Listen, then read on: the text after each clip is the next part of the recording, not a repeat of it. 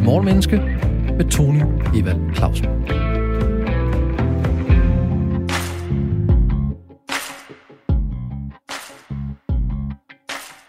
Det, der føles som slutningen, er ofte begyndelsen.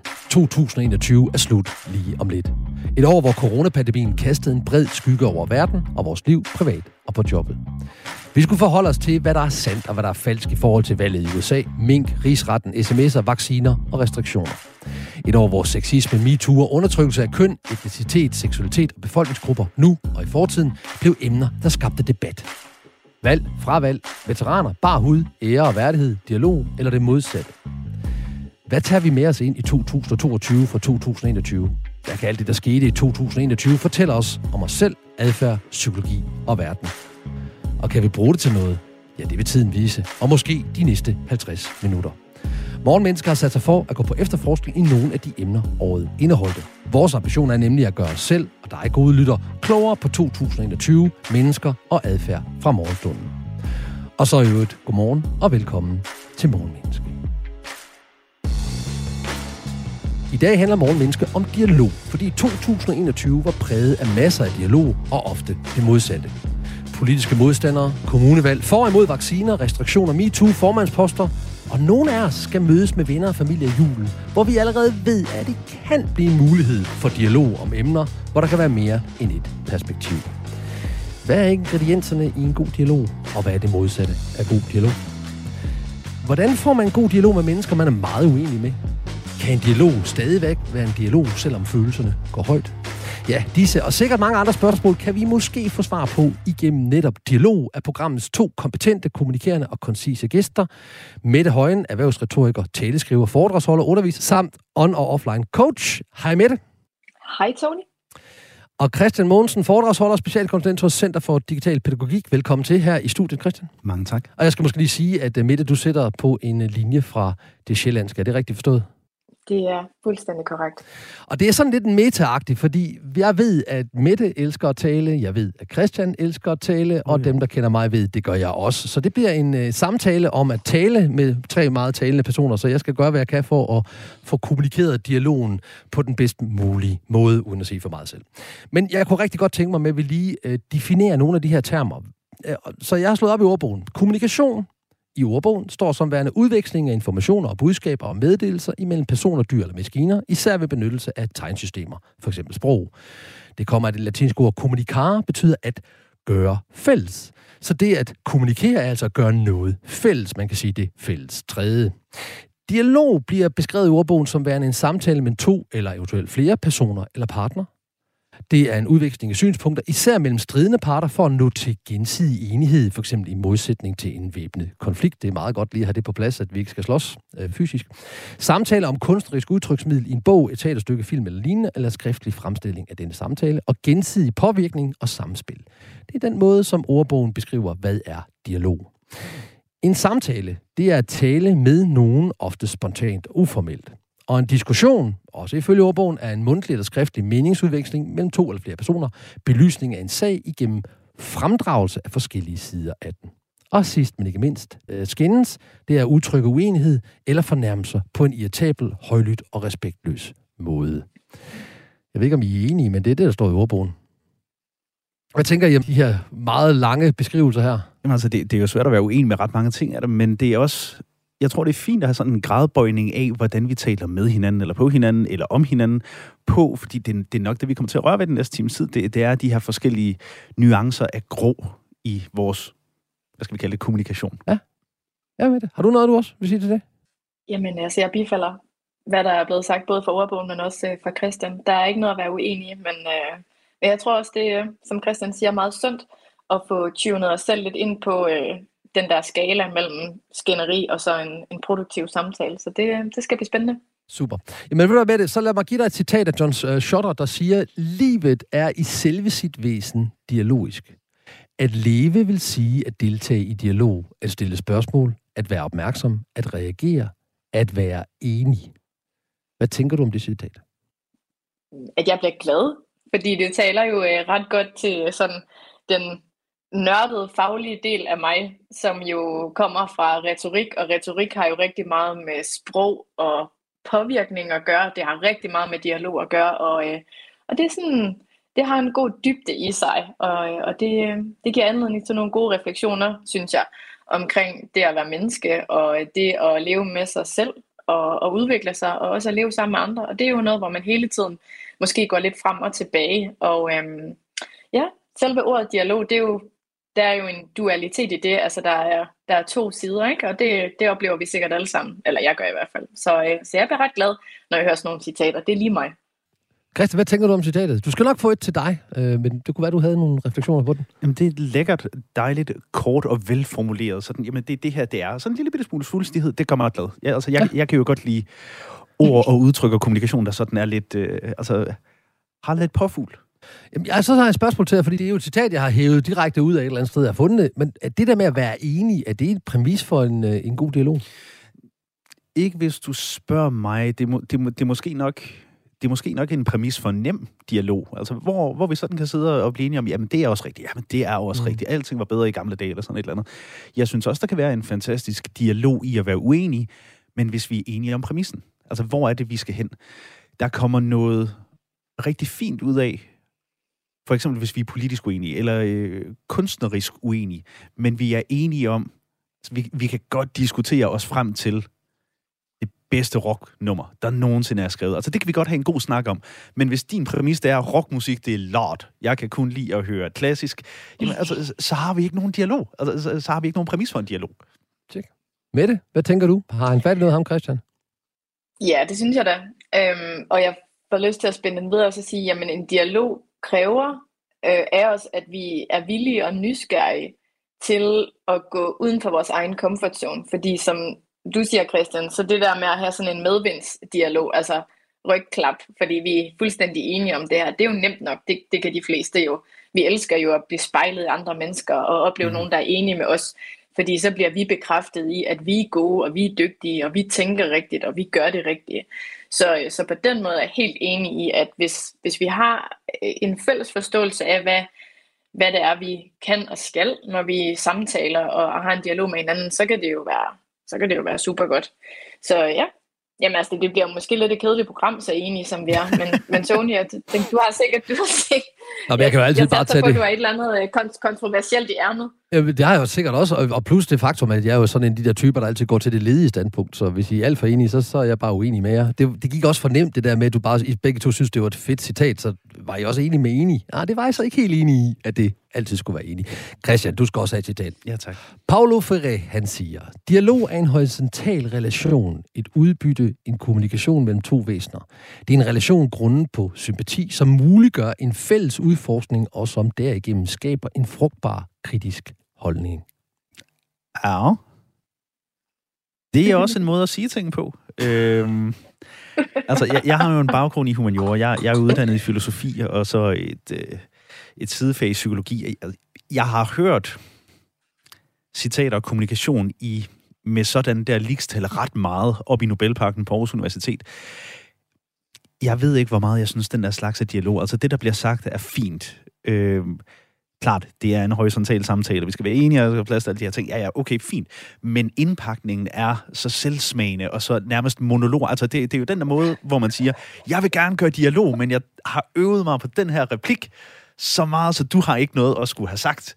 Så ja, altså fint, indpakningen er cool, men... Mette, har du også men noget, er den du... virkelig cool? Altså, jeg synes... Det lyder da flot. Godt nok, den også... Ja, det lyder meget hvad sagde du, svulstigt. Ja. Det lyder sådan, det lyder meget selvhøjtidligt, vil jeg sige, og det er nok en af den der slags citater, man lige skal se på skrift et par gange, og sådan rigtig dissekere den, tage den op på, på, på bordet og lige dissekere den for at finde ud af, hmm, hvad er det egentlig, der bliver sagt. Jeg er lidt i tvivl om det der horisontale, men det, det lyder som om, at det, nu er jeg jo også kun retoriker, og du er filosof, så måske Måske er det noget, du har mere styr på, end jeg har. Altså, jeg, jeg tror, sådan som jeg husker citatet, så, så er det et udtryk for, at øh, den horisontale kommunikation, det er noget, der foregår imellem lige øh, dialog eller kommunikationspartner, modsat den vertikale, som jo er nogen, der bestemmer oppefra ned på dig, eller nogen, der prøver at revolutionere op, nedefra op. Og så, altså, jeg, jeg kan, det kommer også an på, i hvilken kontekst man bruger citatet. Det der kunne jeg sagtens høre en eller anden instruktor sige en 100 hestes brand i fredagsbarn øh, op i Nobelparken, hvor folk de sidder rundt omkring og tænker, kæft, hvor er det dybt. fordi vi har glemt, hvad vi skal huske på. Hvad, er kernen i din kommunikation? Hvad, hvad vil du sige med det der? Altså, der, der går jo sådan... Det, det lyder som om, at han siger, det er jo sådan kvart i Peter Sommer, altså ikke tale, vi skal bare snakke. Mm. Altså, mm. Og det er lidt mere mundret end Altså det der ligstal på den anden side af stuetemperaturen. Okay, så, så, så spørger jeg begge to, og, jeg, og Mette, du får lov til at svare først. Hvordan får vi en god dialog her? Altså, fordi jeg har en udfordring med det, I lige har sagt, men hjælp mig lige. Kan du give mig nogle retningslinjer ind i vores samtale her? Hvordan bliver det en god dialog? Hvis vi kan blive enige om, at vi deler nogle tanker og nogle synspunkter, for derigennem at flytte hinanden. Øhm, og nu kan det jo, det er måske svært at definere, hvordan vi lige flytter hinanden i den her samtale, men for mig at se, sådan en dialog handler om, at vi er alle sammen er enige om, at alle skal have lov til at dele noget, nogle tanker, nogle synspunkter, og at vi selvfølgelig forsøger at påvirke hinanden. Og det er jo retorikeren i mig, der taler her, fordi vi skal jo flytte nogle ting videre, så vi skal dele nogle ting for at flytte nogle ting. Og det er jo, ja, jeg, jeg burde nok sætte et punktum der og så sige, vi deler noget, fordi vi gerne vil påvirke og flytte hinanden. Det vil være mit bud. Christian, har du noget at tilføje i forhold til, hvordan vi får en god dialog her? Nej, men i, altså, i, i stedet for den der monologoplæsning lige før, så jeg ville da hellere have haft et Mette Højen citat. Det, det var da nemt. Vi deler noget for at flytte nogen. Det er good shit. Det, altså, det, det kan jeg godt lide. Godt. Så, vi skal ud af vores komfortzone. Vi skal være villige til at gå ud af komfortzonen. Vi skal dele tanker og synspunkter. Vi skal i øvrigt være enige om, at vi gør det. Vi skal dele noget, der måske flytter jer. Så vil jeg godt dele noget med jer. Jeg synes, at jeres analyse af den første citat var meget tilgiveligt, i hvert fald i konteksten af analysen af andet citat og et andet citat i den grad kom til at lide under, at det lød som noget, du engang har hørt på universitetet, fordi det andet lyder som noget, jeg har læst i en uh, Pete Hein-bog, altså livet er selve sit væsen dialogisk, at leve vil sige at deltage i dialog, at stille spørgsmål og være opmærksom at række. Det mangler kun det rimer, så er det Pete Hein. Øh, forstår I, hvad jeg mener? At, eller har jeg ødelagt en god dialog nu? Nej, overhovedet ikke. Altså, hvis jeg må gribe den. Jeg, jeg synes jo, dialog, det som det skal kunne, eller det som kommunikation skal kunne, det er at det får folk med. Altså, uden at vi skal komme tilbage til det forfærdelige citat før med Ferré, men det skal være horisontalt, og jeg tror, der går noget af det horisontale i den gode dialog. Hvis du ikke, altså hvis du ikke kan formulere det sådan relativt kort og lækkert, og, altså gajolæske formatet, så har du ikke forstået dit eget budskab mm. godt nok. Mm. Der er plads til dig her med det. Jamen, jeg, jeg var ved at give plads til dig, Tony, men det kunne du jo selvfølgelig ikke se. men øhm, hvad, hvad, hvad skal jeg sige? Nej, det, var, det, det, det var jo gajolæsken. Ja, ja, ja, synes, er det rigtigt? Er det gajolæsken, der gør det? Skal vi tale i gajolæske i, i, i dialogerne, for det bliver gode? Nej, men jeg vil bare, jeg vil egentlig gribe ind i noget af det, I lige havde fat i der, fordi altså, det er jo ret vigtigt i en god dialog, at vi faktisk selv forstår, hvad vi siger. Og det lyder virkelig banalt, og så måske lidt af et paradoks at pege på, men altså, nu har vi jo fået en hjemmeopgave øh, for at tænke i dialoger og den offentlige debat og sådan nogle ting. Og når jeg kigger på den offentlige debat, og i og for sig måske også, hvad der foregår i, i virksomheder rundt omkring, så, øhm, så opdager jeg ret hurtigt, at man kan lulle sig selv ind i en masse svære ord, begreber og lange knudrede sætninger, der gør, at det faktisk ikke altid er så nemt at forstå, hvad man selv siger, og selvfølgelig heller ikke nemt at forstå, hvad andre siger.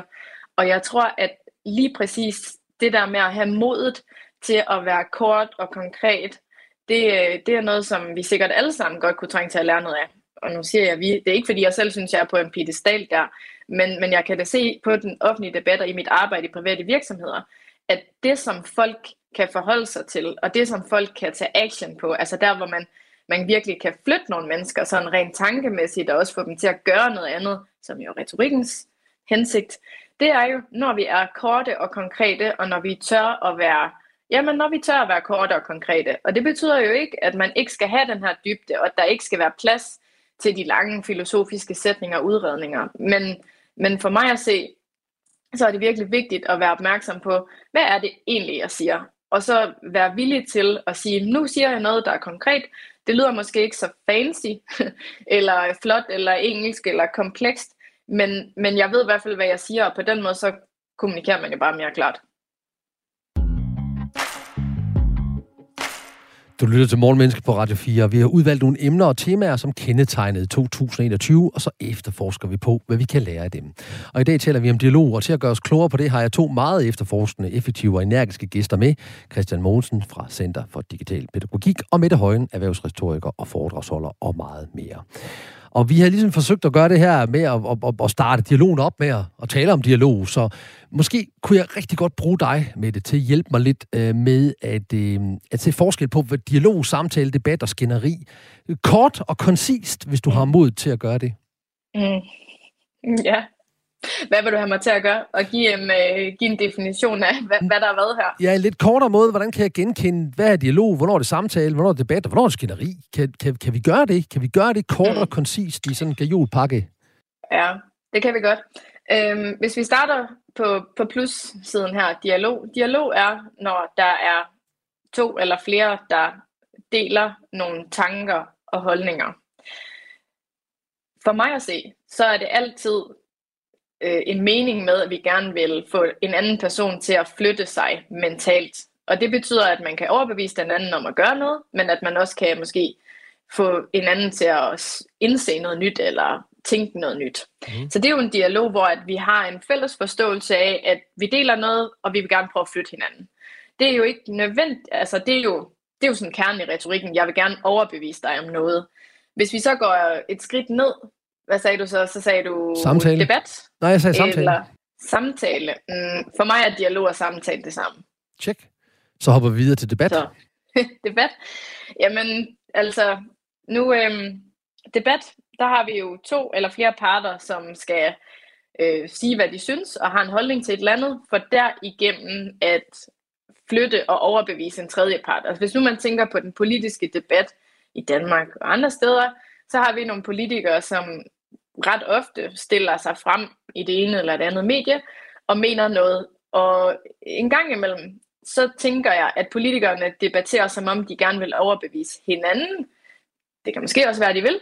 Men jeg synes jo, at det vil være bedre for alle, både politikerne og borgerne i Danmark, hvis de havde den her tanke på, at jamen, mennesker har et frit valg, og nu fremlægger jeg mine argumenter sådan, at du kære borgere i Danmark kan tage stilling, i stedet for at de står og skændes med hinanden.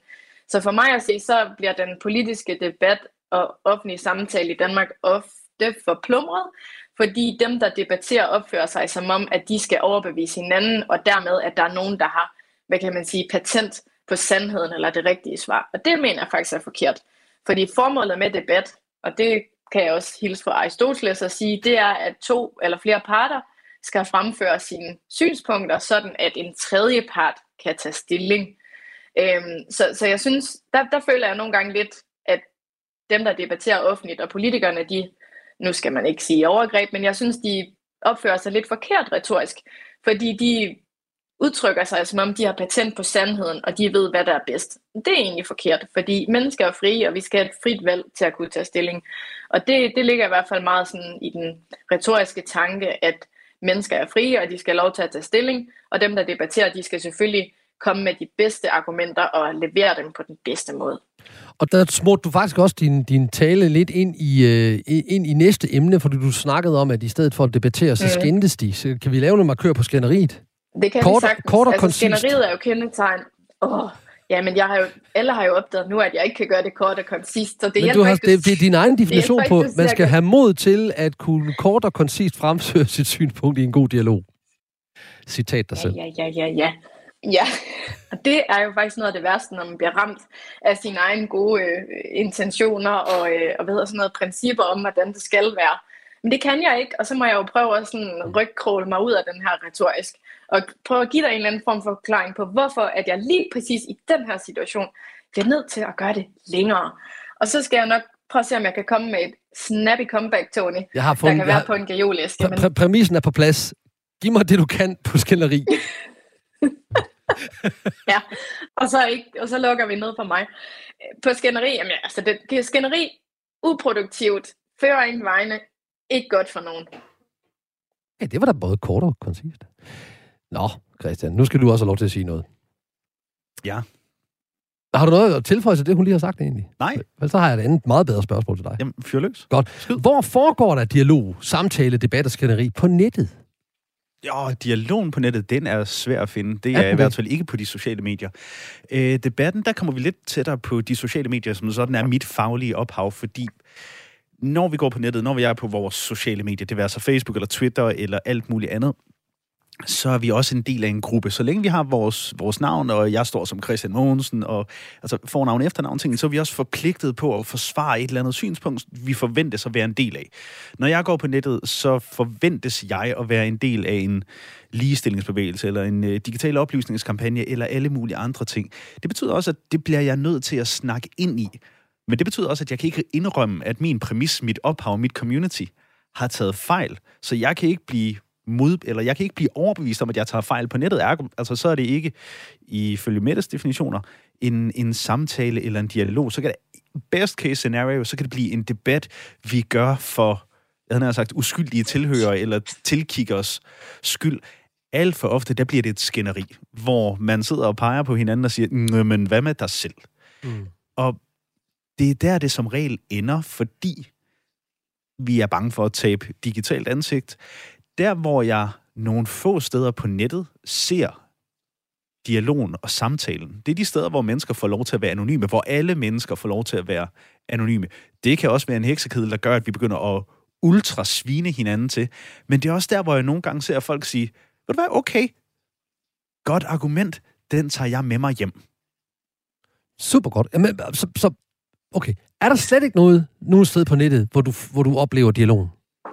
Jo, som sagt... Eller er det inde i grupperne? Fordi det er så det, jeg tænker, der må der være en dialog. Men, men, men spørgsmålet om det er en dialog, eller det er bare sådan et ekokammer? Jamen, så, så kommer der jo sådan en, en rygklappe-dialog. Altså, så bliver det jo et ekokammer. Hvis vi går ind i en Facebook-gruppe eller på et Twitter-hashtag for alle os, der hader grøn peber på pizza, så er der ikke nogen, der kommer til at sige, det synes jeg er pis godt.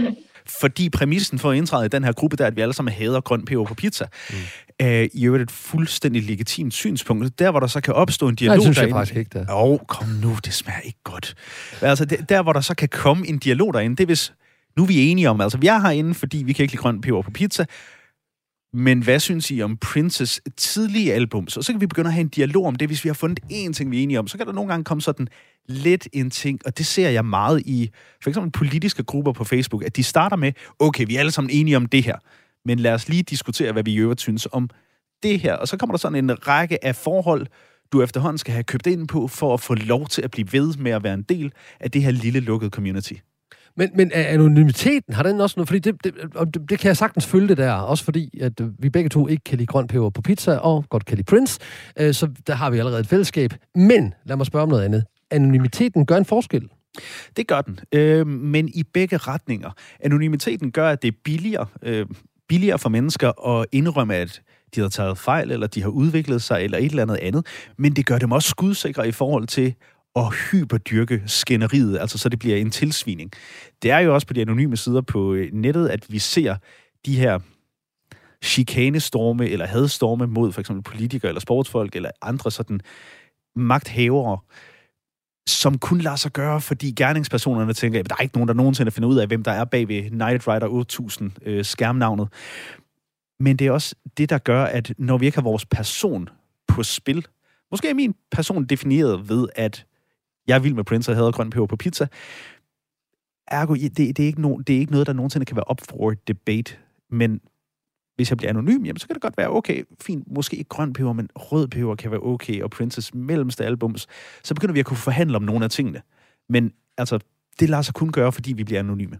Check. Hvad tænker du med det? Er, er det en pointe, at, at det, at jeg kan identificere den, jeg har dialog, skænderi, samtale eller debat med, gør en forskel øh, i forhold til, at jeg ikke kan identificere Night Rider øh, 1978? Mm. Mm-hmm. Jeg er overrasket over, at Christian siger det her med, at det faktisk også kan være en positiv ting, at man, at man faktisk kan åbne sig mere, end man ellers måske ville have gjort, hvis man havde navn og billede på. Det, det, det overrasker mig. Jeg var ikke så overrasket over, at man kan, man kan spore ud negativt og, øh, og give, give frit løb for alle ens øh, hvad skal man sige, mindre pæne personligheds- og kommunikationstræk. Jeg er ret overrasket over, at, at det faktisk også kan være positivt. Den, øh, den kan jeg godt mærke, den skal jeg tykke lidt på. Det, det går lidt imod min logik, eller hvad jeg tidligere har hørt omkring de her dialoger eller skænderier på nettet.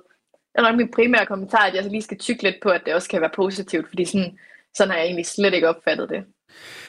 Det forstår jeg godt, og det, altså, det er jo også en af præmisserne ved nettet, det er, det er der, vi kan få lov til at udleve vores indre svinehund. Jeg ser det også på nogle af de steder, hvor præmissen er, vi mødes, fordi vi alle sammen elsker videospil eller rockmusik eller et eller andet.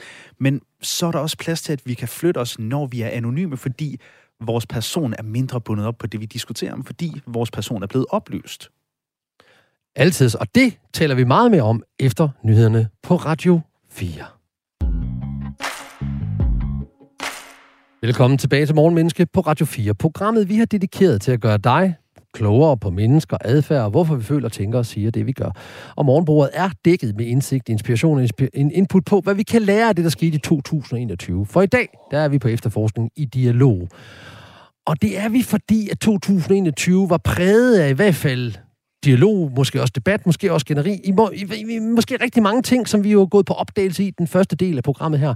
Og jeg har to meget tænksomme tiltalen, og jeg ved, de er talentfulde gæster med. Christian Mogensen, foredragsholder og specialkonsulent hos Center for Digital Pædagogik, og Mette Højen, master of til retorik, erhvervsretoriker, taleskriver og meget, meget mere. Så nu har vi ligesom for, lavet sådan en begrebsforståelse af, øh, og, og det var ret interessant at lige høre, hvad er forskellene på de forskellige ting. Men nu kunne jeg godt tænke mig, med det, hvis jeg må starte med dig. Og det må jeg, for det er mig, der mhm. bestemmer. Mm. Mm. Når du kigger tilbage på 2021, mhm. hvad synes du så, der har været mest af i år? Dialog, samtale, debat, skænderi? Jeg synes desværre, vi er på minussiden af, i den her skala her. Jeg synes, der har været uproduktiv debat og, og ret meget skænderi, og overliggeren, eller ja, hvad skal vi sige, det der ligger under det, det er jo sådan manipulation, som jo er både et, et grimt ord og en grim ting. Øh, manipulation er jo, når vi enten lyver, fortiger, fordrejer tingene og bringer det ud i den offentlige debat. Øh, og når jeg kigger, og nu er jeg sådan i den offentlige sfære, i det politiske, så synes jeg, der har været alt for meget løgn, fortielse, fordrejelse øh, og alt for lidt transparens og alt for lidt oprigtig interesse i at indgå i en dialog og lytte og dele og komme godt videre sammen. Og nu tænker jeg, at du sikkert vil spørge, hmm, er der nogle konkrete eksempler, du tænker på? Ja, men det vil jeg godt lige vente en lille bitte smule med, fordi det, nu, nu har dit billede af 2021 er, er fremragende. Christian, hjælp os her. Hvad, hvad, hvad, er du, hvor er du henne i det? Hvad har der været mest af i år? Jamen, jeg bor jo primært på internettet, øh, og det, ja. det, det er, vi er nede under frysepunktet. Det, det har ikke været pænt i år, særligt fordi altså, vi har haft OL. Vi har haft et kvindelandshold i fodbold, som har sparket røv og været virkelig, virkelig dygtige. Vi har haft MeToo-kapitel, jeg ved ikke, hvem tæller efterhånden. Øhm, og, og nogle af de her ting har bare udfordret debatten og fået den til at degenerere til at blive skænderi og mudderkastning. Og som Mette også sagde, altså det, det kører ikke pis godt. Tjek. Okay. Okay, her er en ting, der lige undrer mig. Og jeg skal nok lige spørge jer lige om lidt, hvad, hvad, skal vi komme med nogle konkrete eksempler? Her er noget, der undrer mig ved mig selv. Jeg har en holdning til vacciner og corona. Ja. Når jeg på de sociale medier møder forbindelser, om det er venner på Facebook eller forbindelser på LinkedIn, der taler en anden sag end den, jeg tror på, så får jeg lyst til et at unfriende og unfollow Øhm, men det er vel ikke fremmende for dialogen, eller hvad, med det? Øh, hvorfor, jeg ved godt, hvorfor jeg gør det. Det er, fordi jeg vemmes ved deres øh, synspunkt, men, men det er vel ikke fremmende for dialogen, at jeg gør det, eller hvad? Nej, så det er jo næsten et retorisk spørgsmål, Tony, og jeg tænker, at du godt selv ved, at det, der ville være bedre, hvis du skulle tage en tørn i dialogens tjeneste, det ville jo være at, og sådan måske næste gang I ses, øhm, og så spørge ansigt til ansigt. Du, øh, jeg har tænkt over det her opslag, du lavede. Jeg er nysgerrig på, hvad fik dig til at skrive det? Det ville også være løgn, fordi det, jeg, altså, jeg, jeg er ikke nysgerrig på, hvad der fik til at skrive den, fordi det, det, det, det er jo uddyber på grund af de i udbredet grad med, med 3.000 anslag mm. og sådan noget retning. Jeg, jeg bliver sådan træt. Ja. Uh, altså, det, det er mere sådan... Og, og nogle af de her mennesker kommer jo ikke til at møde ud i uh, IRL, in the real life. Uh, så, så Christian, giv, noget, giv et bud på, hvad, hvad, hvad, hvor, altså ikke lige hvorfor jeg gør det, men hvad, hvad burde jeg gøre?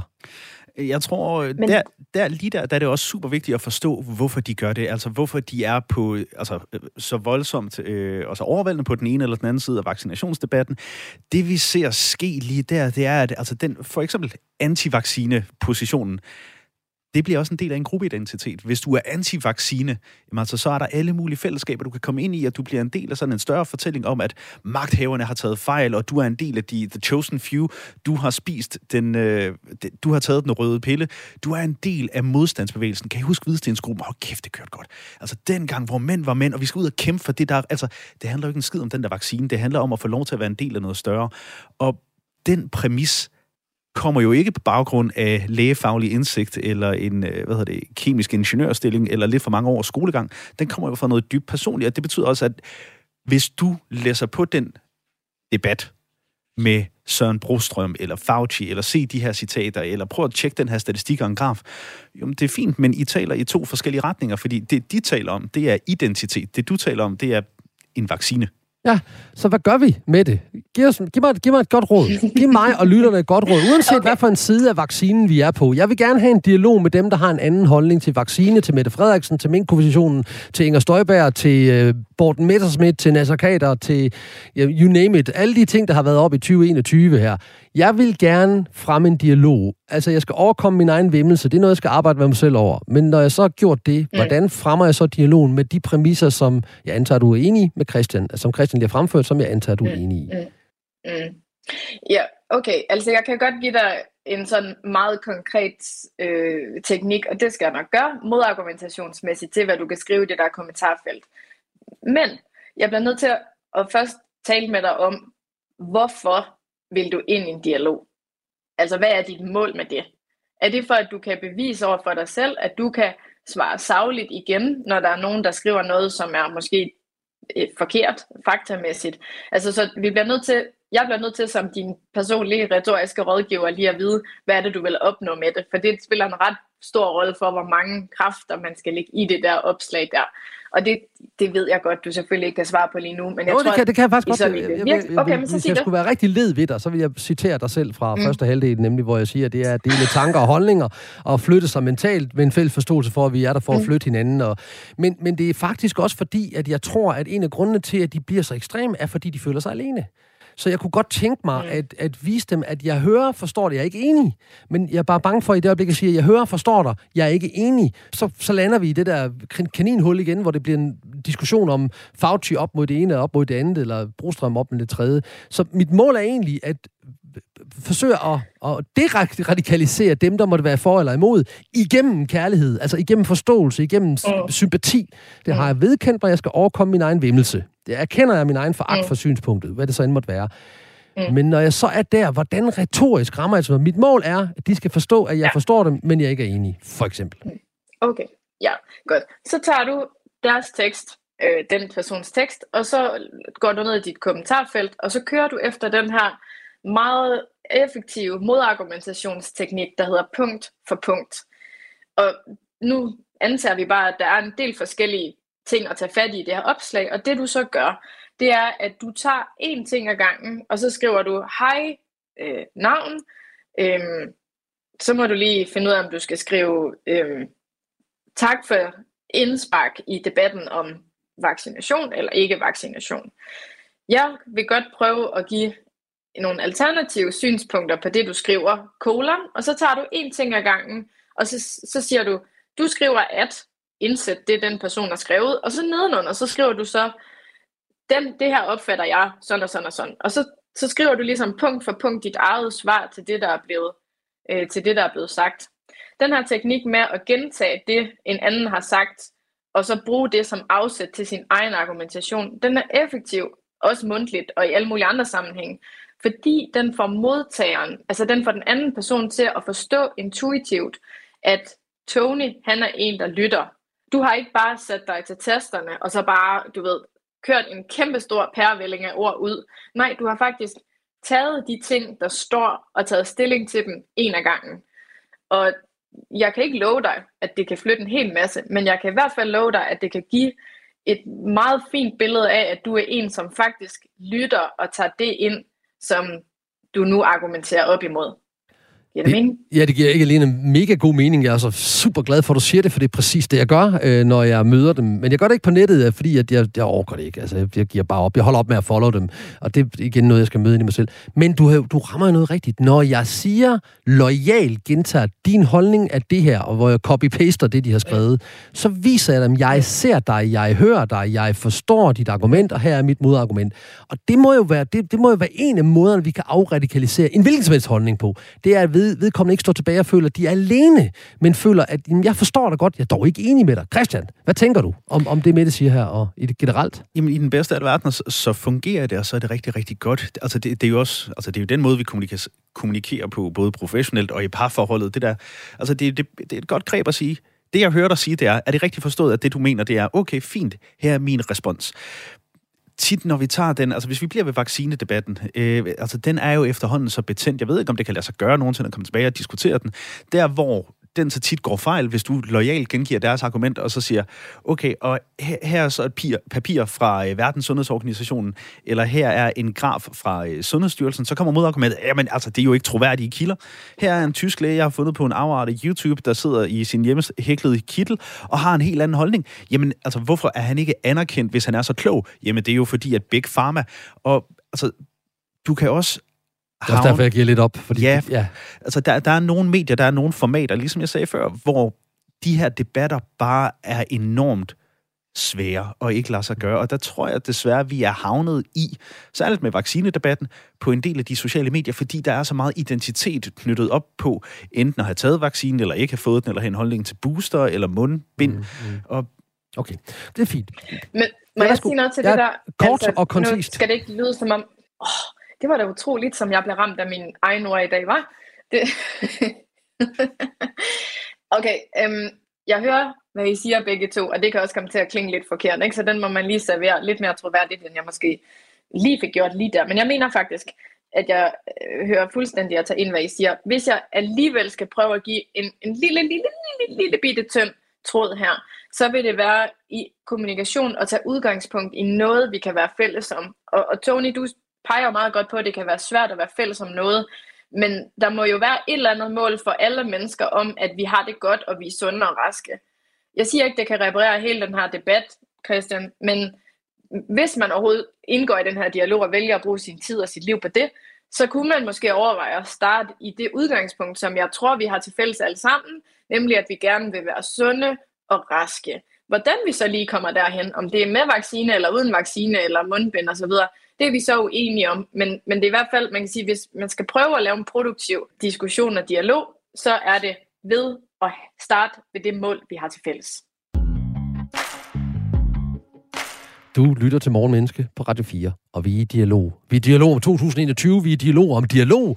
Vi har to engagerede, energiske og eftertænksomme gæster med til at belyse netop dialog, nemlig Mette Højen, erhvervsretoriker og foredragsholder og coach, og Christian Mogensen fra Center for Digital Pædagogik. Godt. Nu har vi løst nogle af mine private problemer i forhold til dialog og de sociale medier, så lad os prøve at kigge på sådan lidt mere samfundsmæssigt. Og, og Christian, øh, hvis nu starter med dig. Du kigger på året 2021, og så skal vi lave sådan en årets bedste dialog. Ja. Set fra dit synspunkt. Ja. Giv ja. den en pokal. Hjertens gerne. Øhm, på et meget, meget trist grundlag. Jeg synes, Maria Rørby Røn fra øh, generaldirektør ved DR, hun gjorde noget meget, meget fint, da sagen om de 64 tidligere øh, medlemmer af DR's pigekor, da det ligesom blev offentligt kendt og anerkendt, at der var begået overgreb på dem. Fordi det første, hun sagde til pressemødet, det er undskyld, at DR svigtede jer. Det var ikke jeres skyld. To super korte sætninger, som sidder lige i skabet, som owner ansvaret, som siger undskyld, og som tager den der skyldfølelse, som mange af pigerne, nu kvinderne, havde været åbne omkring, at de sad med, væk fra dem. Hun siger, at det var ikke jeres skyld. Super trist grundlag for at skulle have en kommunikation, men når det nu alligevel skulle være, så synes jeg, at den sidder lige i skabet. Modtaget. Jeg får også helt gåse ud af det. det du, du, jeg synes faktisk også, du siger det lidt mere indlevende, end hun gjorde, men det er sådan en helt anden snak. Mette, du får samme spørgsmål. Årets bedste dialog. Du må gerne tage den samme, hvis det er den, du er landet på, men, men sådan dialogen, der du tænker, det var med til en førsteplads i 2021. Mm, altså, jeg havde tænkt på den, og det er lidt, jeg, det, altså, jeg har faktisk haft lidt svært med den der opgave, Tony. Det bliver jeg nok nødt til at sige. Jeg, øhm, jeg ved ikke, om det er mine øh, kritikere, der sidder inde i hovedet, og bare kan finde dem, hvor jeg synes, det er gået lidt mere skævt. Men øhm, ja, hun gjorde da et hederligt forsøg, vil jeg sige, Maria Rørbøren. Men jeg, jeg manglede også noget indlevelse. Det må, det må jeg bare erkende. Tjek. Men, så, Men altså, så, vi... du skal nok få lov til at komme med din kritik af de dårlige dialoger, de dårlige samtaler og de gode ja. skænderier. Men, men er der slet ikke noget lyspunkt i, i mørket her, når vi kigger tilbage på 2021? Jo, det er Øslem Sekic, øh, som er tidligere folketingsmedlem for SF, som har en forening, der hedder Brobyggerne. Hun er øh, fantastisk inspirerende og insisterende på at skabe dialog og indgå i dialoger med mennesker, der slet ikke er, som hun er, og på vegne altså, af forskellige grupper, der slet ikke kan se sig selv i hinanden. Så der er noget, altså der er en kerne af menneskelighed, som er fantastisk, og hun insisterer virkelig på i sit arbejde og, øh, at skabe dialog, også der, hvor den ser ud til slet ikke at kunne trives. Så, øh, så hun, hun får min pokal. Det gør hun. Tusind tak for det. Også vel ud, velargumenteret, uddybt og begrundet. Christian, ja. årets dårligste dialog? Øslem Sekic. øhm, jeg, holder, jeg holder meget af Øslem, og jeg, jeg, jeg elsker projektet, og jeg synes, det er pissegodt. Jeg synes, det havnede i en unødvendig shitstorm her for et par uger siden, hvor vi alle sammen fandt ud af, at DF selvantændte, og Christian Thulesen Dahl måtte gå af, eller blive vippet af, eller blive smidt ud. Og Øslem på øh, Twitter, et socialt medie, gik ud og skrev, det er fandme synd for ham in so many words, men altså kigge ud og sagde, hvor er det synd, nu skal han stå der, han står helt alene, og et klip til for fire år siden, hvor han stod og blev jublet og nærmest brugt i kongestol rundt inde på Christiansborg. Og Øslem gik ud og sagde, det er fandme synd for ham. Og der var mange kritikere fra den danske venstrefløj, som sagde, det er ikke en skid synd for ham, han er DF'er. Øslem forsvarede sit synspunkt og sagde, det er synd for mennesket. Det er ikke synd for, det er synd for mennesket. Og så begyndte hele den her diskussion om, jamen, kan vi adskille politikeren, ikke bare kunstneren, men politikeren med sit livsværk fra sin politik? Altså, er der, er der et menneske, er der en politiker, eller, eller er der bare en Christian Thulesen Dahl? Og det endte med en eller anden dialog, der blev til en debat, der blev til et skænderi, der blev til thought pieces, eller hvad hedder det, kronikker i dagbladene, om at nu var det venstrefløjen, der var intolerant, og selvom den startede et godt sted, med at se mennesket i uenigheden, og det, altså alle de der flotte ting, vi har talt om, så blev det også meget hurtigt til en, jeg vil ikke tale med folk, der er uenige med min præmis eller med min grundtanker. Altså, jeg som fra mit faglige synspunkt havner jo i sådan en, jamen det er jo tolerancens paradoks, popper. Altså, skal vi tolerere de intolerante? Og Thulesen Dahl, han var jo, siger venstrefløjen, intolerant, ergo, vi skal ikke tolerere ham. Jeg synes, Øslem, hun havnede i en super dårlig position, hvor hun forsvarede den ene måske intolerante, mod de andre, som hun nu synes var intolerant. Og jeg synes ikke, den landede et godt sted. Den startede fint, men kæft, det gik hurtigt ned ad bakke. Hvad tænker du, hun kunne have gjort, Christian? Jeg, tr- jeg tror, det er en af dem, der, altså særligt med politisk fløjkrig og med, med de her politiske ting, jeg tror ikke, Twitter er det rigtige medie til at gå ud med din holdning. Du har, hvad er det, 200 og en håndfuld tegn, et eller andet. Der, der er for mange nuancer, der går tabt der. Altså, jeg ville have taget den i bogform, eller i dialogform, eller i radioform, podcastform, for den sags skyld. Ikke på Twitter. Åh, oh, Christian, for pokker. Jeg ved ikke, hvad man kalder det argument, du har der, men argumentet er, at, at hun forsøgte at lave dialog et sted, hvor der ikke skulle være dialog, hvilket er hele pointen med Twitter, at der er dialog, eller, eller er det bare at, at komme af med mine overskrifter på Twitter, eller hvad? Det tror jeg. Altså, Twitter, det, det, det, er, det er popkommunikation. Det skal være kort, det skal være sjovt, det skal være snappy, der skal være et hashtag på. Det, jeg synes ikke, at Twitter er verdens bedste øh, samtale mediet. Altså, jeg, er, jeg, vil hjertens okay. gerne, jeg vil hjertens gerne drikke dialogkaften, men når du går ind i den debat, særligt på et medie som Twitter, så er du også forpligtet, synes jeg, på at følge den til dørs. Check. Og det synes jeg ikke, den bliver gjort. Og det, og det accepterer jeg. Det var årets dårligste dialog. Mette Højen, så er det dig. Årets ja, dårligste dialog. Altså... Du, du ved jo nok ikke, hvad du skal vælge mellem, kan jeg høre på det hele her. Der, der er sådan en helt buffet her. Der er sådan en extended buffet, 300 meter lang der buffetbord, du bare kan gå hen og tage af. Nu skal du gå hen og tage en ret og, og bringe den frem til Christian og jeg og lytterne. Ja, men så tager jeg en, der hedder Armin Laschet. Så vi, øh, jeg tænker, vi rejser en tur til Tyskland, hvor der jo har været ja, rimelig meget opstandelse rent sådan retorisk og valgmæssigt og alt muligt i tysk politik. Og en af dem, der var øh, ja, kandidater til at blive øh, den nye øh, Frau Merkel, altså Angela Merkels efterfølger, det var ham her, Armin Laschet, faktisk fra det samme parti. Han endte med at tabe. Og den, den mest tokrummende dialogsituation, jeg tror, jeg har været vidne til i år, det var øh, ham her, den meget velvoksne politiker, som blev øh, interviewet af to børn i et telt, altså nogle børnerapporter. Og det var altså et studie i manipulation. Altså han forsøgte at manipulere dem. Han, jeg synes absolut ikke, han lykkedes, men, men et meget tokrummende, og også, altså hvis ikke det var, fordi det faktisk var ret seriøst, hvem der skulle være kansler i Tyskland, så var det egentlig også meget underholdende. Men, øh, men han viste virkelig, hvordan man ikke indgår i en dialog, og han viste også, hvordan det er, når at man prøver at manipulere nogen. Så, øh, så ja, han, han får den pris. Kan du give et par eksempler for os, der ikke er så ky- tysk kyndige, at vi kunne slå det op og se, hvad han gjorde? Hvad, mm. hvad, kan du give mig nogle one-liners på, hvad var det, han gjorde sådan lidt metodisk? Ja, altså, han bliver jo stillet nogle ret konkrete spørgsmål af de her børn, fordi dem, dem der lytter, som har børn, vil vide, at børn de går lige til sag. Der er ikke så meget omsvøb, der er ikke så mange abstrakte ord og sådan noget. Det er bare meget konkrete spørgsmål. Så han prøver hele tiden at lyve og snige sig udenom, og ah, det har jeg aldrig sagt. Og så samtidig med, at han gør det her, jeg vil virkelig opfordre til, at alle ser det, for det er meget, som sagt, det har en underholdningsværdi, sådan retrospektivt her. Um, men og det, det, man kan se, han gør, det er, at han bliver sådan, det bliver fysisk ubehageligt for ham. Han sidder ligesom på et lille bitte skammel i det her telt her. Og han sidder sådan og ligesom, han sidder og flytter sig væk fra det, han selv siger. Han går ligesom baglæns og sidelæns væk fra sine egne ord. Så man kan tydeligt se, at han lyver. Øhm, altså, om ikke andet, så bare for at se sådan en studie i, når man sidder og lyver, hvad der så sker. Det, øh, tag et kig på det. Den skal jeg slå op. Godt, nej, men så, så kunne jeg godt tænke mig at spørge om noget andet, fordi det interesserer mig lidt, og jeg tror også, det interesserer nogle, nogle lyttere. Og, jeg, og så, så slutter vi af med, at I kommer med nogle gode råd til, når vi, hvad vi gør her i julen. Ikke? Altså, hvad gør vi her i juleaften og, og juledagene, når vi nu er sammen med nogen, den der sindssyge onkel, der bor i en kælder hjemme ved sin mor og sådan nogle ting. Det tager vi, det tager vi lige bagefter. Men først, hvad er der et eksempel på det, jeg vil kalde et godt skænderi i 2021, Christian? Er der, var der et godt skænderi, det var et, det var et skænderi, der var, der var underholdende eller lærerig at kigge ind i? Altså, jeg synes jo selv, at jeg har haft masser. Øh, jeg ved ikke, om min kæreste er enig. Jeg, jeg, jeg, synes, jeg synes, der har været en del, og det første kvarter, det, det første kapitel af Øslem Sekic's Det er synd for uh, Tulle, synes jeg faktisk var rigtig, rigtig fint, fordi det var diskussion om, tolererer vi intolerancen? Og jeg tror, det er den, jeg lander på.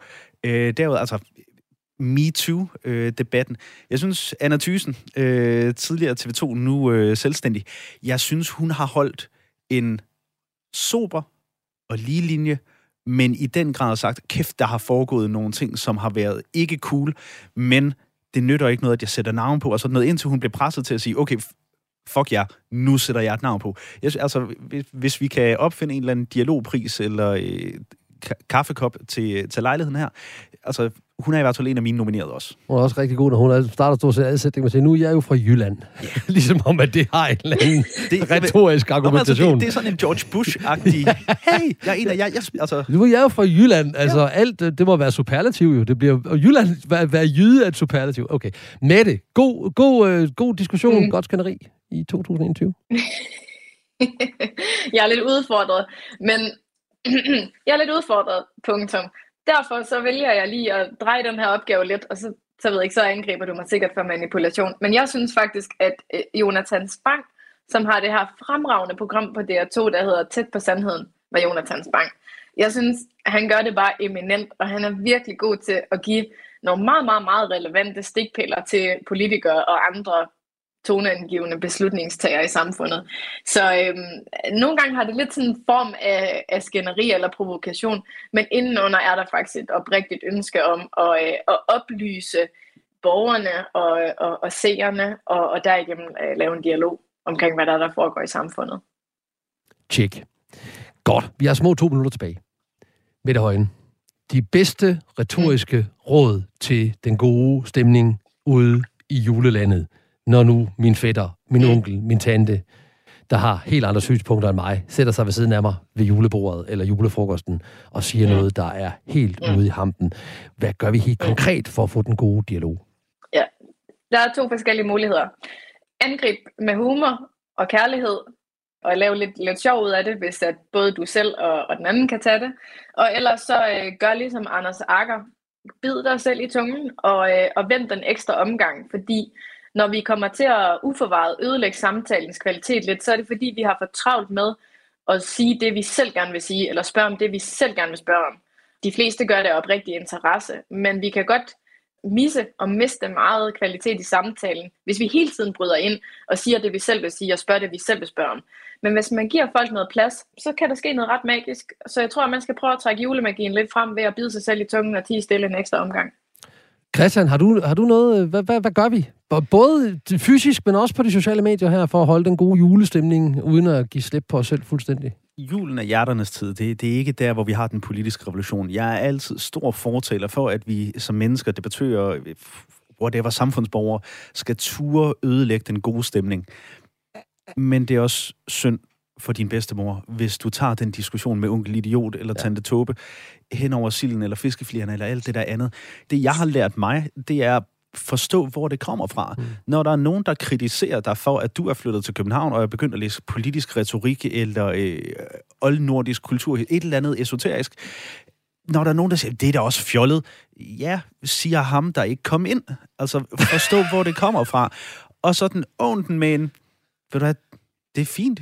Det, er, det må du gerne synes. Ja, ja. ræk mig sovsen.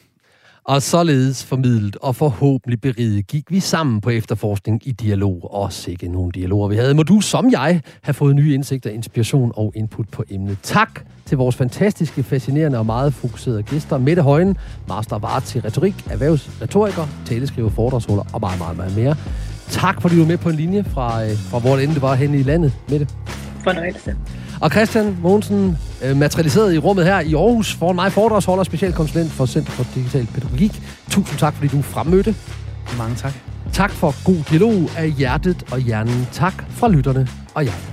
Du kan få mere Morgenmenneske på podcast, der hvor du henter din podcast, eller på Radio 4-appen. Programmet er produceret af Only Human Media, og jeg hedder Tony Eva Clausen, og det er noget, jeg på ingen måde er parat til at diskutere, samtale eller gå i dialog om. Vi høres